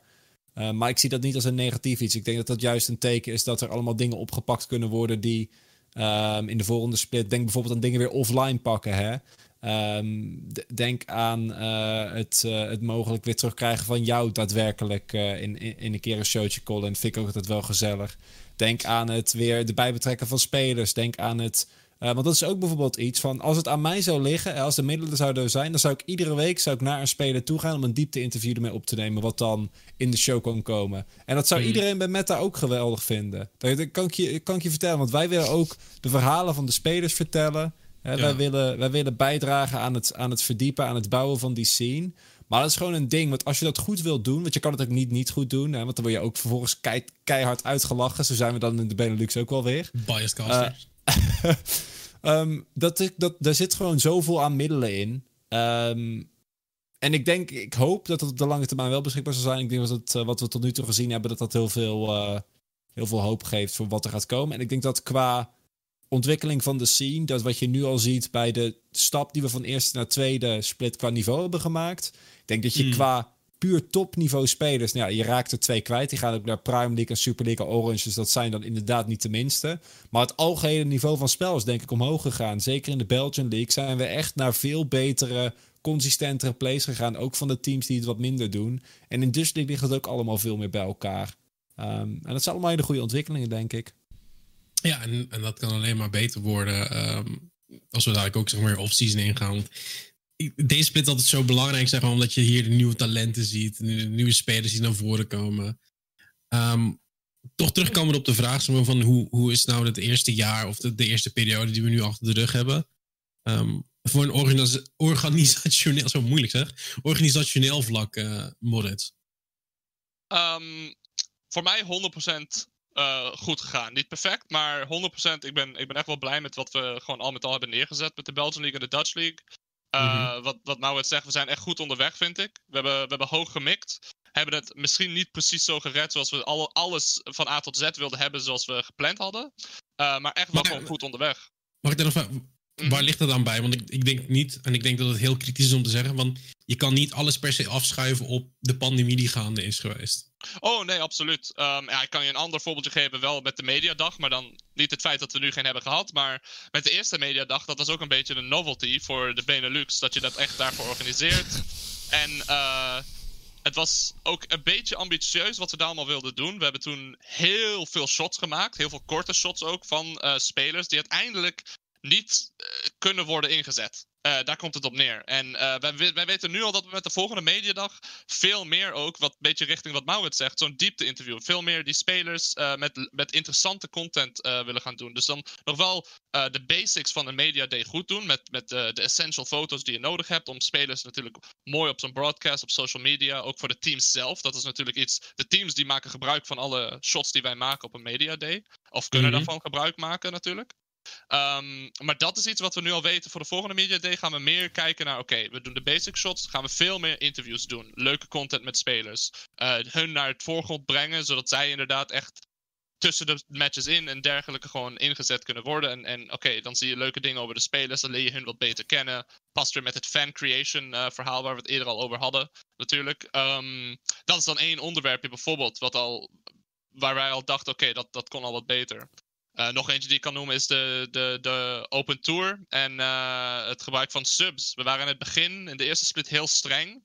Eh, omdat we echt keken naar Duitsland, Frankrijk. Hoe doen hun hun ERL? Laten we dat zo nauw mogelijk nabootsen. En dan zijn we daar denk ik iets te hoog mee gemikt met, met wat we voor verwachtingen ook van onszelf en van de teams hadden. Over ehm, dat, dat, ja, subs, dat is niet zo eenvoudig om, om even vier subs zeg maar op je lijstje te zetten. Als je niet in een organisatie zit waar je fulltime voor betaald krijgt, of al is het maar eh, parttime op een, op een redelijk salaris bijvoorbeeld. Ja. Eh, dat is iets waar we dus nu uiteindelijk hebben gezegd, bijvoorbeeld met eh, de Open Tour, van oké, in plaats van dat Open Tour helemaal uitgesloten is, ehm, kunnen ERL-teams wel uit hun Academy-teams die ze in de Open Tour hebben, als ze die hebben, wel subs gaan trekken als ze die nodig hebben. Dat geeft toch iets meer mogelijkheden voor die spelers die daarin meedoen. Het, het blokkeert hun niet, want dat was het in het begin misschien iets te. Dat de spelers die als subs stonden iets geblokkeerd werden. En eh, we willen hun niet hinderen met hun ontwikkeling als spelers zijnde. En dat is ook weer een puntje wat eigenlijk vooral uit, uit kritiek en feedback van onder andere de teams en de community kwam. Van hey, leuk idee zeg maar, met heel streng zijn en, en, en eh, richting die andere ERL's gaan. Uh, maar dit is iets waar we nu nog niet helemaal klaar voor zijn. Uh, misschien één stapje achteruit. En toen dachten we, nou, nee, klopt, hebben we nog goed evalueerd. We doen een stapje achteruit. We staan die Academy subs toe. Um, dus ja, op die manier, we blijven ontwikkelen. Dat zijn even twee voorbeelden van dingen die in het begin, wat we nu al hadden gemerkt, dat ging niet helemaal goed. Hebben we ook gelijk dingen op aangepast. Um, al met al gaat het de goede kant op. En ik denk dat we nog gewoon verder de goede kant op gaan volgend jaar. Ja, maar ik, ik, ik denk als ik, als ik ook zo luister, zeg maar van, ik denk dat je het nooit perfect zal doen voor iedereen. Ik denk dat het Nee. ook iets is waar je gewoon bij moet neerleggen. Dat iets is wat je moet accepteren. Um, ik denk dat in broadcasting dat helemaal is, zeg maar. Iedereen heeft een eigen kijk op van hoe een show moet zijn. Of wat ze waarderen, of wat ze, wat ze ja, ik wilde value zeggen, maar dat is eigenlijk hetzelfde. Want, want, want Bastian, ook voor jou, zeg maar, dit is eigenlijk toch wel een periode geweest waar er veel ups zijn geweest. En, en die ups die waren ook hoog, maar ook hele lage downs op een gegeven moment. Ik bedoel, internet issues en weet ik wat allemaal, Ja. uh, om maar wat te noemen. Ja, dat, uh, ik, uh, ik heb gisteren, of ja, vorige week heb ik echt mezelf op zitten vreten over een dingetje dat onder de radar geglipt was, inderdaad. Um, het, er zijn heel veel goede ups geweest. Ik bedoel, de, de hele kick en sensatie van. Nou, ik moet zeggen, we zitten hier met een heel team op hotel voor drie dagen op een rij om de Belgian Dutch League te doen. Het is echt een nieuwe levensstijl ook geworden. Um, en Hmm. we hebben denk ik een heel mooi product neergezet. Uh, als in LEC die onze hut gebruikt. Um, onze Dragon Indicators bovenin, weet je wel. Dat is fucking mooi. Oh, ja. Nou ja. Fine. Fine. Het mooie is, dan. het mooie is Oh. dit is dezelfde man die telkens tegen ons brengt en zegt... Hey mannen, geen F-bombs, geen S-bombs, geen, uh, geen nare dingen zeggen. Ja. Niks. Zie je hoe moeilijk het is? Zie je hoe erg het een kunst is om niet te schelden? Respect naar jullie, jongens. Dankjewel. Ik zal hem uh, hierna even aanpakken hoor, Colin. Geen zorgen. Ja, ja. Dan gaan mijn salaris. Uh, verder over je verhaal, Bastian, zeg maar. Ja. Uh, verandering in je leven, zeg maar, wat je ook zegt. Van, dat, je bent letterlijk vier dagen van huis. Ja, per week. klopt. klopt. Um, met, en dan de evenementen en dingen die erbij komen, nog los daarvan. Mm. Um, dus het is echt voor mij wel echt een levensstijl switch ook geweest. Um, met inderdaad ups en downs. En ook omdat je zo enorm invested bent. Omdat je vier dagen in de week werk je hier fulltime aan. Um, dan ben je ook wel van als er iets fout gaat, dat, dat vreet je wel even op. En dan is het dat ja, want, zo want door mensen, want men, en dit is zeg maar iets wat, wat ik wel eens mee heb gehoord. Mensen hebben het idee zeg maar, dat jij, je zit daar, je drukt op je knopjes en that's it. Maar ik bedoel, ik, ik ken jou langer dan vandaag. Ik weet dat alles wat je, wat je bijna ziet, zeg maar. En hè, laten we eerlijk zijn, soms werkt het niet zoals je zou willen dat het werkt. Maar een, een, een, een pick and ban bijvoorbeeld is iets wat jij gewoon letterlijk vanaf nul op hebt gebouwd. Waar je gewoon volledig, volledig spaghetti code uh, hebt gehad. Waar je, Origineel wel, ja. Ja, en, en, en ik, weet, ik weet toevallig ook, zeg maar, van nu we toch naar richting playoffs gaan. Je bent ook gewoon weer je nachten anders in aan het vullen nu met nieuwe spaghetti code. ja, klopt. Er komt uh, mogelijk iets leuks aan. Ik weet niet of het bij playoffs al uh, zichtbaar gaat zijn, maar uh, um, ik, ik vond altijd was van een upgrade. Dus die komt of bij de playoffs of bij country ja, maar, ook, finals. maar, dit, zeg maar, dit zijn wel de dingen die je uit passie doet. Want hè, Ja. dit is niet per se iets waar jij ik bedoel, voor bent aangenomen in, in je werk. Nee, klopt. Um, nou moet ik zeggen, ik heb altijd heel veel. Je moet, om in e-sports te werken, moet je jezelf een beetje kunnen distancen van de zoveel anderen die het ook kunnen. Um, Mm. En dat was een van de bonuswaarden waarmee ik ook wel op ben gaan werken bij Meta. Ehm, en het is wel inderdaad, ik heb gewoon zoveel passie, zeker voor League of Legends. Dan kom je echt wel uit op dingen inderdaad van, ehm, ehm, inderdaad zo'n custom hut of zo'n um, zo'n Champ Select. Poeh, we waren toen de eerste buiten LEC die dat deden. Uh, was echt nog wel een dingetje over. maar ik vond het gewoon heel erg vet om te bouwen. En, en om een betere ervaring te brengen. En nou, hopelijk kan dat uh, nog doorgaan. En voor nu, inderdaad, uh, ik zou niet zeggen dat ik er elk weekend aan werk momenteel. Want ja, ik wil zelf ook nog wel een beetje weekend hebben af en toe. uh, maar het is inderdaad, hey, ik, heb mijn, ik maak mijn 40 uur werkweek in de eerste vier dagen al af. Um, maar ik investeer graag echt nog wel 20 uur extra in een week in leuke andere dingetjes. Ja, ik, ik denk dat je ook wel, Maurits, je kan het ook maar je moet wel echt een beetje een passie hebben om in e-sports te willen werken op dit moment. Ja, überhaupt. E-sports is gewoon, weet je, ik, ik denk dat e-sports best wel veel overeenkomst heeft met bijvoorbeeld de muziekindustrie. Van, als jij, uh, als ik ja, bijvoorbeeld. Ik ga dit toch niet op straat doen, kan ik vertellen. Nee, maar. nee? Laat me ook niet uitpraten, hè? Maar als jij um, gaat uitrekenen, zeg maar, uh, wat, je, wat je per alle uren ook die ik zelf doe, hè? Dus de, de, de meetings die je doet bij mensen om je kennis een beetje op peil te houden, de competities die je kijkt om bij te blijven met de meta.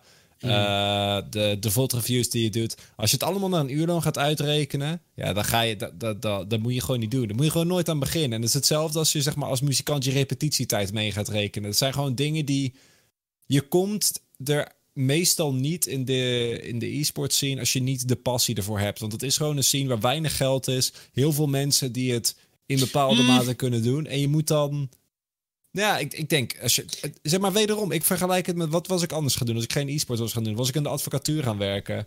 Dan heb je het over zeg maar, de facturen die je dan eruit gooit. Dat is wel even een ander kaliber. Van als je het hebt over de, de topbedrijven daar, vergeleken bij de topbedrijven in e-sports. Ja, dat is echt niet met elkaar vergelijkbaar. Dat is wel een groot extreem verschil. Hè? Maar dat, dat is wel zeg maar van. Er zijn genoeg sectoren die wel zo zijn. E-sport is gewoon echt een passiesector. Dus je moet het ook hebben, want anders ga je het gewoon niet halen. Bastien, je wilde volgens mij wat zeggen. Uh, nou ja, vooral dat uh, ja, je kan het vergelijken met zoveel andere sectoren. Um, maar ik denk dat juist een onderdeel van wat e-sport zo succesvol maakt, is die mensen die passie hebben. Um, er is nu heel veel kritiek op de LCS-broadcast bijvoorbeeld. Dat volg ik vrij, met vrij veel interesse. Um, en daar komt al heel veel, heel vaak wordt daar naar voren gebracht. Dit zijn jongens van NFL en NBA, die, die zijn daar inderdaad creative leads bij Riot uh, Amerika. Um, die dat al het hele leven deden voor een NBA en voor een NFL. En daar dan een show bouwen. En daar komt dan een product uit wat misschien niet zo goed ontvangen wordt. Um, Het is passie. Je moet je kunnen investeren uh, in zo'n project. En dat is bijvoorbeeld zo'n Monte Cristo met, met, uh, met B-Side en Flashpoint. Uh, Quickshot bij LEC. Dat zijn, daar zie je dat die passie er zo in zit dat het eindproduct goed wordt. En ja. dat kan niet anders in e-sports, denk ik. Ik, ik vind het wel interessant. Ik heb ook een tweetje trouwens. Ik, ik krijg dat op mijn telefoon vandaag ik naar beneden keek. Ik bedoel niet dat ik naar iets anders aan kijken was, maar ik, het is een tweetje. Uh, ik weet niet of uh, Jeroen zit nu achter. Oh, kijk joh! Ah. Die is goed ingewerkt.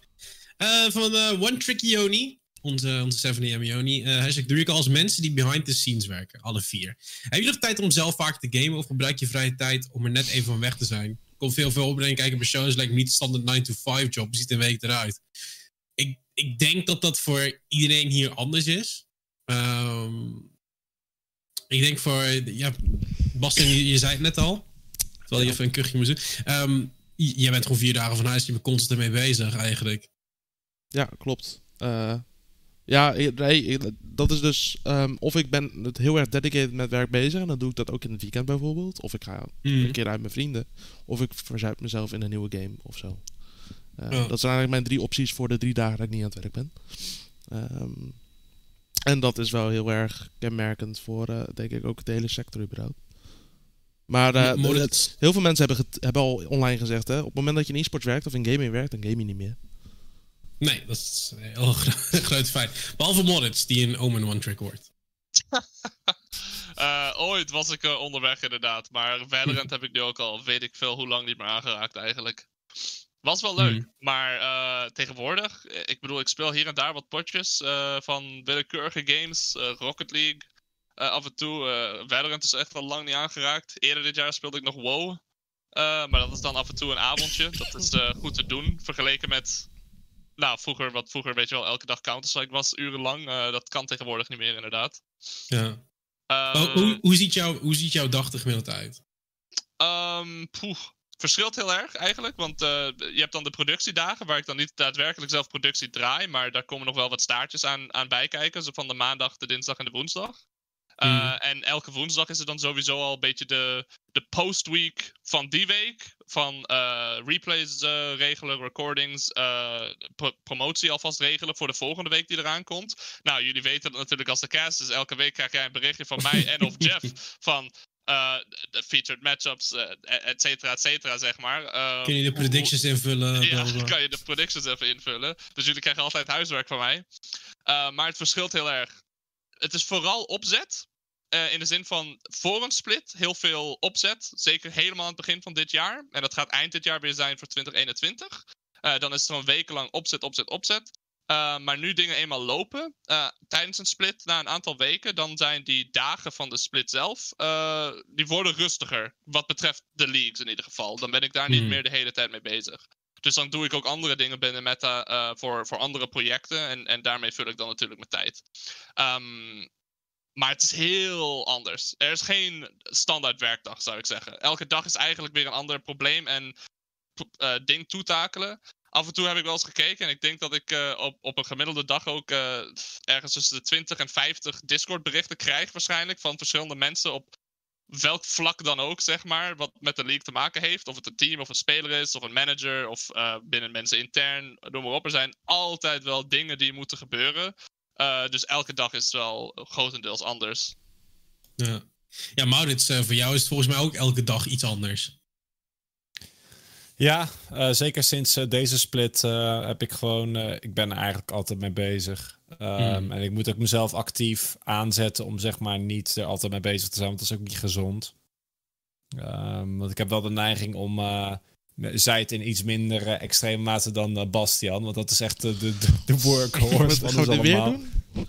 Ja. Nee, maar dat is ook. Dat is, dat is, dat is anders. Was het, was het, stond het, de, de league er niet zoals die nu was. Dat is ook een compliment aan jou. Ehm, maar ik merk bij mezelf ook dat je, zeg maar, soms moet je ook een beetje de rem op jezelf zetten. Als je passie je werk is, is het heel makkelijk om jezelf over te werken. En dat is niet iets waar iemand immuun voor is. Mhm. Ehm, dus bij mij is het ook gewoon, ja, proberen. De, dagen dat ik geen showdagen heb of dat ik niet met andere projecten bezig ben. eh, zoals interviews, eh, competitive kijken, eh, meetings met coaches of spelers, et cetera. Dan Ja. probeer ik ook zoveel mogelijk om gewoon lekker te relaxen. Maar dat, ja, dat is altijd anders. Ja, bedoel, als ik, als, als ik dan over mezelf moet praten, ja, ik, ik, ik heb dan weer het anders. Want wat- over het algemeen, ik heb minder draaidagen natuurlijk, maar ik ben natuurlijk wel constant bezig met, oké, waar zijn ze mee bezig? Eh, sinds kort doen we nu ook eh, in de Dutch Bells, die ik vind dat vooral, vooral met Ma- Maurits en ik doen dat dan.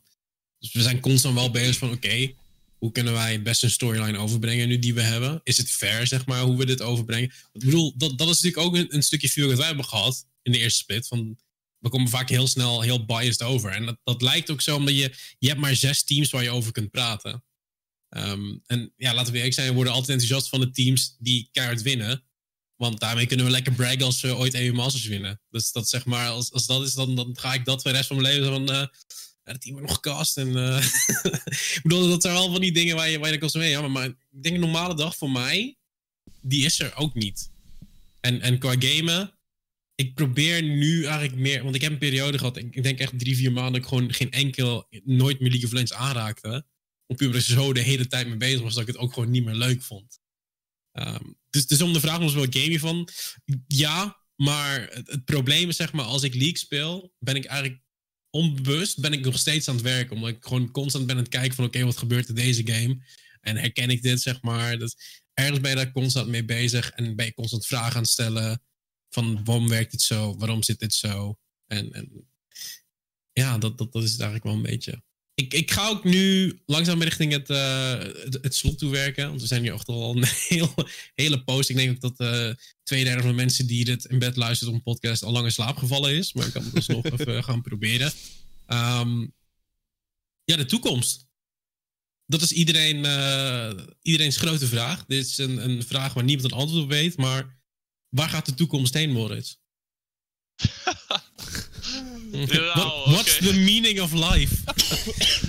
ja, waar gaat de toekomst heen? Um, wij zijn dus inderdaad, wat ik al zei, we zitten nu in de tweede helft van dit jaar. En we zijn dus al vooral aan het kijken ook en, en allerlei scenario's aan het uitwerken voor 2021, hoe dat jaar eruit gaat kunnen zien. Uh, En dat komt er al, wat ik bij, eh, wat ik noemde, komt er al, gaan we split playoffs offline trekken. Uh, zouden we dat gaan doen? Hoe zou dat eruit gaan zien? Um, hoe gaat het eruit zien met de leagues zelf? Gaan die worden uitgebreid? Gaat het wel gewoon zo blijven zoals het nu is?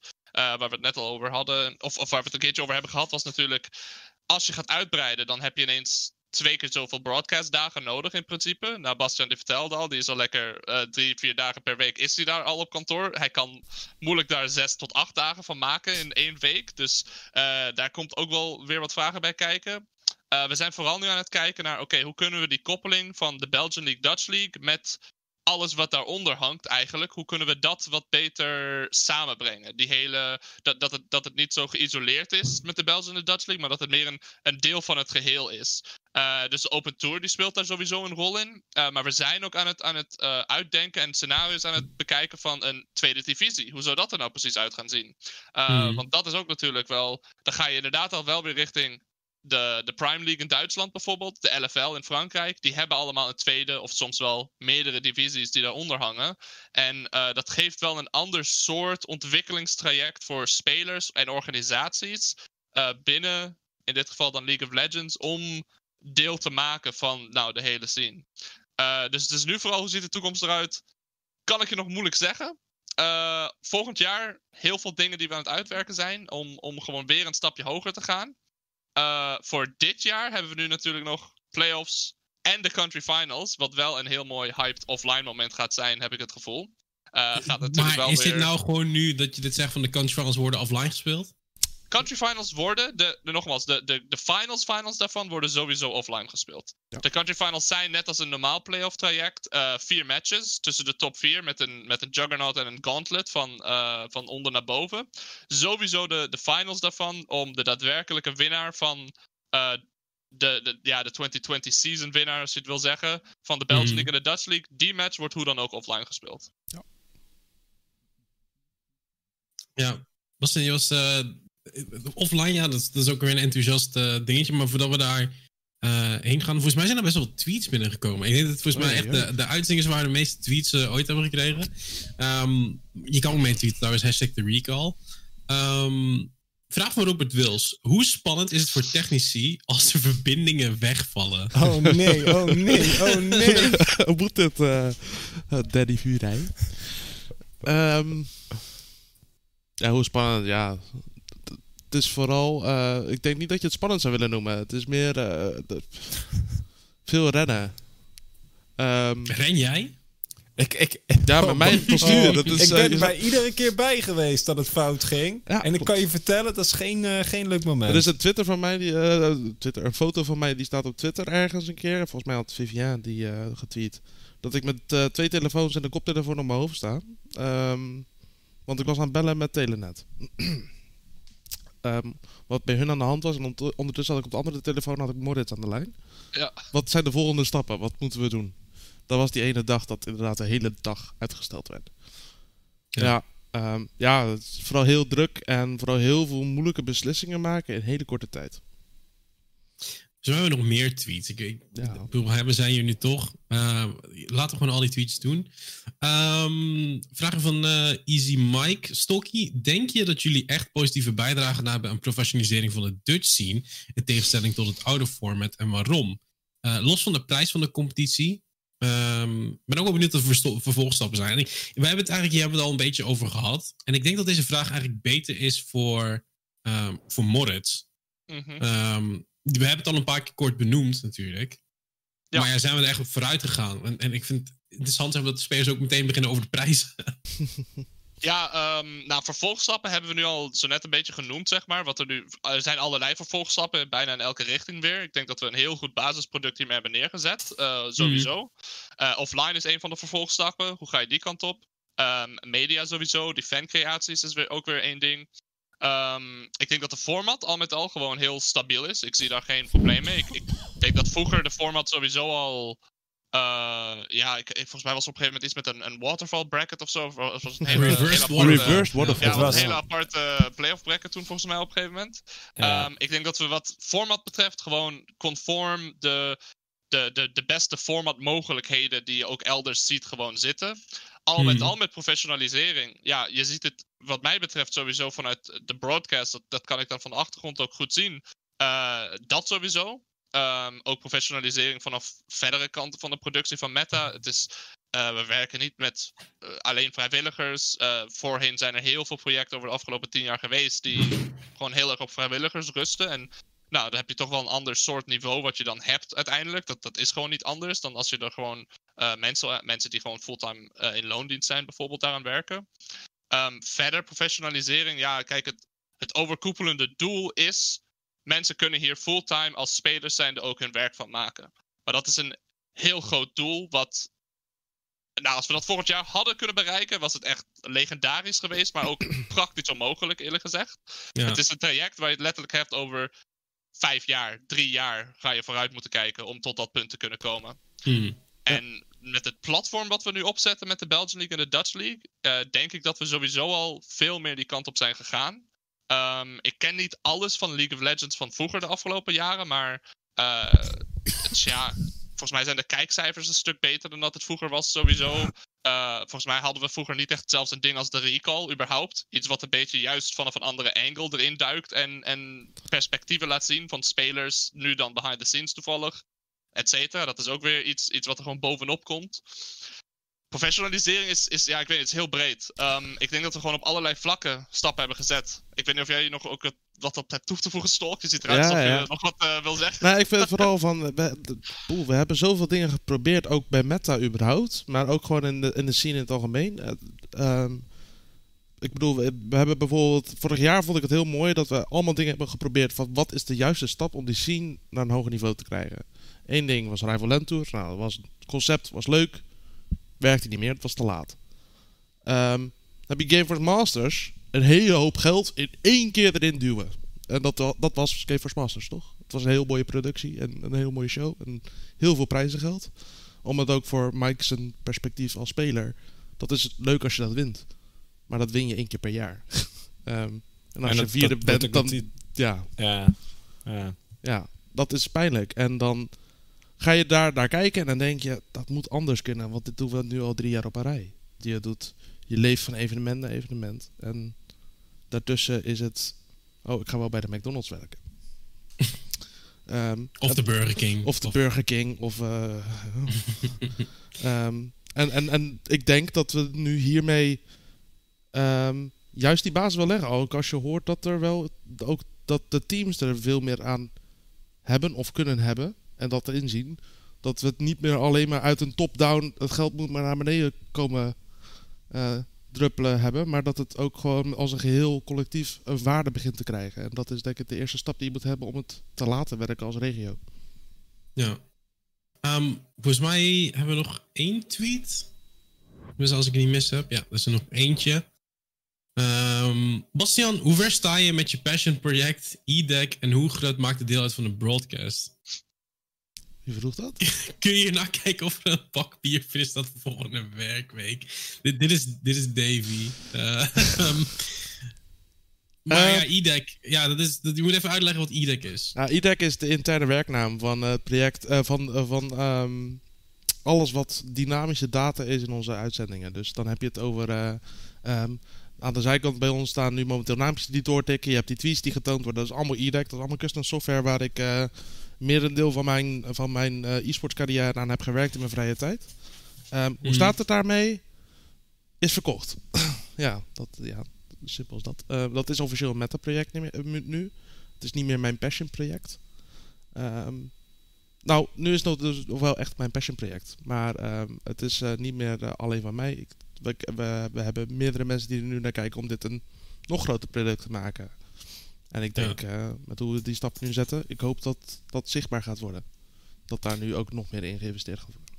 Ja, toch is het een beetje afgedwaald van het onderwerp uiteindelijk. Maar blij dat, je, dat, het, eh, dat het er was. Want het heeft natuurlijk ook heel veel geholpen. En, en, en hoe het nu allemaal is. En ik, ik denk dat we nu een heel goed idee hebben. Tenminste, je zou denken dat we een iets beter idee zouden moeten hebben van waarom bepaalde dingen zijn gebeurd zoals ze zijn gebeurd. Waarom bepaalde keuzes worden gemaakt zoals ze worden gemaakt.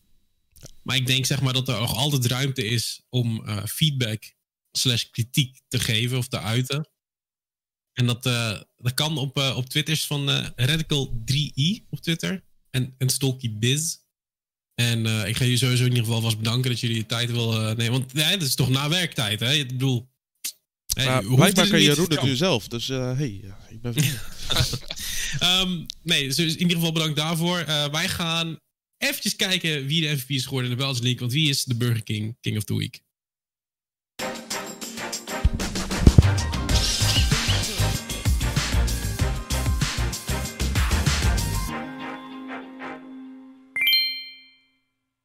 Ja, Anderlecht AD Carry, Saitam, uh, Maurits.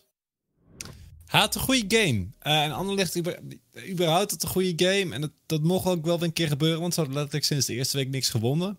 Mm -hmm. um, maar ik denk dat ze zonder zijn Swain alsnog verloren hadden, want ja, ze hebben wel gewonnen, maar het was, het was niet een... Um, ja, hoe kan ik het beste uitleggen? Het was echt een Anderlecht-pot. En die zijn altijd zo chaotisch en er gebeurt heel ja. veel. Ja. Um, maar je kan niet om die Swain performance heen. Want hij had echt individueel maar een paar hele mooie plays. Hij carryde de teamfights. Hij was altijd waar hij op de juiste plek, juiste moment moest staan.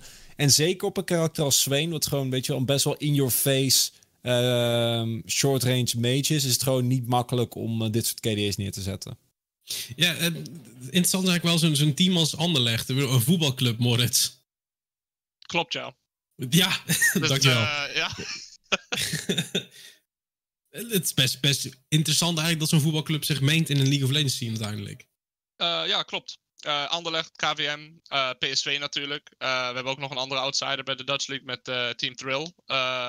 heel leuk dat er partijen dus van buiten, wat wij normaal binnen de, de scene hebben gehad, juist zich gaan mengen. En ik denk dat je ook wel ja, je ziet wel gewoon dat ze het op een leuke manier oppakken. En ik denk dat Mm. dat vooral de ogen van uh, nou, de, de buitenstaanders van esports ook doet, doet keren naar... Oké, hey, wat is esports? Wat is League of Legends? Waarom zit een PSV opeens uh, League of Legends te spelen? Weet je wel? Waarom zit een Anderlecht League of Legends te spelen? En dat, Ja. is, dat is gewoon leuk. Ik denk dat dat ook een van de stappen is die we nodig hebben voor professionalisering.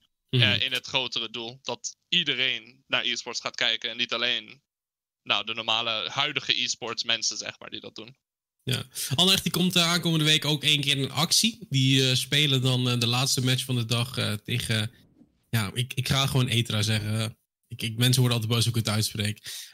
dan 7am tegen KV Mechelen of KVM Esports. Die openen de avond. Ja, dat, dat kan ook wel een interessante worden, Maurits. Want we zagen 7am natuurlijk de winst pakken afgelopen week. En er is een beetje een ding gaande in de Belgian League waarin een scenario is: iedereen kan nog steeds playoffs halen. Ja, maar ik denk dat 7M dan meer afhankelijk gaat zijn van de laatste match van de week. Ik zie ze namelijk tegen, 7 of tegen KVM en Sector allebei geen win oppakken. En ik had het uh, finaal fout hè, bij 7M tegen Brussels Guardians. Dat is mijn fout. Hè. Niet goed genoeg hmm. ingeschat.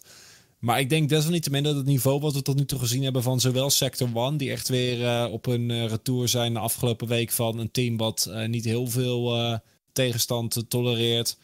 zeker en, en, KVM eigenlijk ook, die gewoon twee ja. de solide potten neerzetten. Verwacht ik niet dat daar heel veel geks gaat gebeuren. Maar desalniettemin, wat je zegt, ja, bij Belgian League, het blijft altijd de laatste week spannend. Wie gaat playoffs Hmm. halen?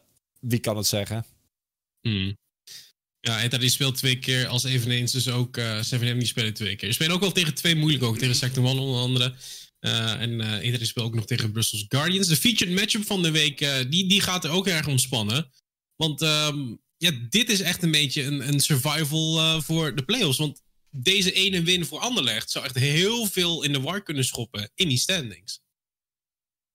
Ja, als Eva deze verliest, dan uh, gaat Anderlecht doen. Uh, of hoeft, niet per se, maar volgens mij is het dan redelijk, redelijk zeker. Uh, dat Anderlecht doet wat we ze afgelopen jaren eigenlijk altijd hebben zien doen. En dat is last minute alsnog een play-off play spot binnenkoppen. Mm. Na een niet geweldig seizoen. Um, persoonlijk eh, verwacht ik dat Etra dat wint. Ik denk dat Etra nog steeds wel hier en daar wat, eh, wat foutjes heeft. Maar dat ze eh, individueel eh, gewoon überhaupt goede spelers zijn. En dat Ja. ze daarnaast als team ook lekker aan het spelen zijn. Maar het is wel een match die, ja, als Etra daarin gaan, zou ik me ook niet per se heel erg op mijn gemak voelen. Want je weet dat Anderlecht. eh, Zodra de playoffs in, in, in de buurt komen, wordt het gewoon een raar team. En dan weet je gewoon niet zo goed waar je ermee aan moet. En dan winnen ze gewoon ineens games die ze niet horen te winnen. Ja, dat eh, gaat aanstaande maandag gaat het plaatsvinden vanaf eh, kwart voor zeven hier op GameLux LOL. Vergeet niet op het Twitch-kanaal te volgen natuurlijk van de Belgian League. De zevende speeldag alweer. Ehm, dan over de Dutch League. Daar is ook een MVP gekozen. En dat is als volgt. Dat is eh niemand minder dan de, jungler van Lone Lions, Hades, die in de winst pakte. En dat is niet per se alleen omdat hij eh AP Shivana speelde. Want ik denk dat in de Dutch League echt heel veel MVP-performances eh, zijn afgeleverd, Maurits. Ja, dit was, eh, deze week eh, had je eigenlijk. eh eh, je hem eigenlijk altijd wel weg van iemand. Dat was een beetje een probleem. Want we hadden eh, binnen teams ook meerdere mensen die kon nomineren van MVP-performance. Ik denk Hmm. alleen dat als je kijkt naar ehm, het belang van de match. Hè, in combinatie met eh, relatief hoe belangrijk het spel van Hades was. Ehm, de manier waarop hij objectives weg kon zonen. Puur omdat hij altijd zijn flame breath hitte. Waardoor fights niet echt meer mogelijk waren voor Dynasty. En Dynasty ja, ging daar ook een stuk, eh, stuk ja, banger spelen, om het maar zo te zeggen. Ja. Ehm, ja, al met al super goede performance. Eh, maar het was deze week echt een heel hoogstaand niveau in Dutch League. We hebben echt ehm, upsets gezien. We hebben echt ontzettend clean games gezien. En dus inderdaad een uh, Loaded Lions wat zich hier eh, mee van een eh, playoff spot verzekerde. Ja, Bastien, je was ook wel enthousiast hè, van de League of Legends in de Dutch League vooral. Absoluut, absoluut. Ja. Eh, het is iets wat ik, eh, wat ik Jeroen vaak voor zijn stoel afduw. Want ik wil wel zelf schakelen, want ik vind het gewoon echt leuk om te kijken. Het is, ja, het is letterlijk dat. Het is, eh, ehm, en ook gewoon inderdaad, het niveau is zoveel hoger om te zien. Ja. Ik, ben, ik bedoel, ik ben geen expert, hè, maar eh, ik vind het gewoon heel tof om te kijken. Want het- je, je ziet gewoon een, een, een competitive level waar ik echt juichend in mijn stoel heb gezeten tijdens Eagle Masters afgelopen split. Mm. We gaan eh, even kijken naar het schema. Want Hades die komt eh, twee keer in actie aankomende week. Zal met Lone Lines eh, spelen tegen Mcon en Echo Zulu. Eh, om eh, ja, rond een uur of negen. Maar games end op conclusion. Dus je moet eigenlijk vanaf het begin zijn. Want PSV en Dynasty openen het vanaf 7 uur op uh, GameLux Dol op de dinsdag. En dan ehm, de klapper. Zoals jij dat zegt. Jij zegt geen banger meer, Maurits. Jij noemt het klappers tegenwoordig. Uh, knaller, kan ook. Knaller, ja, ja knaller. Knaller, dat was banger, klapper. Ja. Uh, wel een beetje dezelfde, dezelfde categorie. de strijd om de tweede plek tussen uh, PSV en Team Thrill. En het is daarmee ook de featured matchup. Um, ja, PSV en Thrill uh, zijn allebei al ingelokt voor, uh, voor de playoffs. Maar als PSV hier de winst pakt en dan ook geen games meer dropt, dan kunnen zij in theorie alsnog de eerste seed worden in playoffs. Ja, en het is um, vooral eentje die denk ik voor, voor het belang van een match. Volgens mij is het, Morris, dat zou jij waarschijnlijk als geen ander weten, is het volgens mij alleen side selection. Waar je dan uh, pre op kijkt als je eerste seed bent versus tweede seed in die Juggernaut match. Lijkt ja, mij. klopt inderdaad. Ja. Uh, maar selection kan uh, zeker op uh, deze patch wel gewoon. Een, en eigenlijk op zijn wel, zijn wel meer patches. Maar, ik heb nog één dingetje hoor. Oh, de, ja. ja. als je eerste wordt, heb je automatic qualification natuurlijk. Uh, oh, dat is na playoffs. Ja, oh, oh, dat, is na de, dat is na de playoffs pas, ja. uh, zeg maar. Oh, na de playoffs. Ja, de, de, de, als je de playoffs wint. Ja, ja. oké, okay, ja. Ah, oké. Okay. Ik, ik dacht even dat het op de league Wat een producer, joh. Weet niet op, op het reguliere... op de reguliere nee, split zat. Daar heb je kan wel, voor. zeg maar, om die eerste plek gaan. En, en de Juggernaut match is een best of three format. Ik denk dat het best wel veel voordeel zou kunnen geven als je side selection hebt modus. Ja, um, en ik denk wat deze match wel interessant maakt, dat ik eigenlijk verwacht dat geen van beide teams hier echt gaat laten zien wat ze allemaal in petto hebben. En dat is ook wel een leuke, want ik verwacht hier dus dat we hier van beide teams een beetje off-meta dingen gaan zien. Hopelijk van Phil niet zo off-meta als een game tegen Dynasty. What up? Uh, want dat ging iets te ver. Um, en dat, dat, ik heb niet echt een beeld momenteel van hoe de playoffs gaan verlopen. En dat is wel een groot gat met, uh, met vorige split. Want daar hadden we het toch wel redelijk duidelijk. Hè, dat, dat de Fuse uiteindelijk won was een verrassing. Maar ook niet een, kwam niet compleet uit het niets.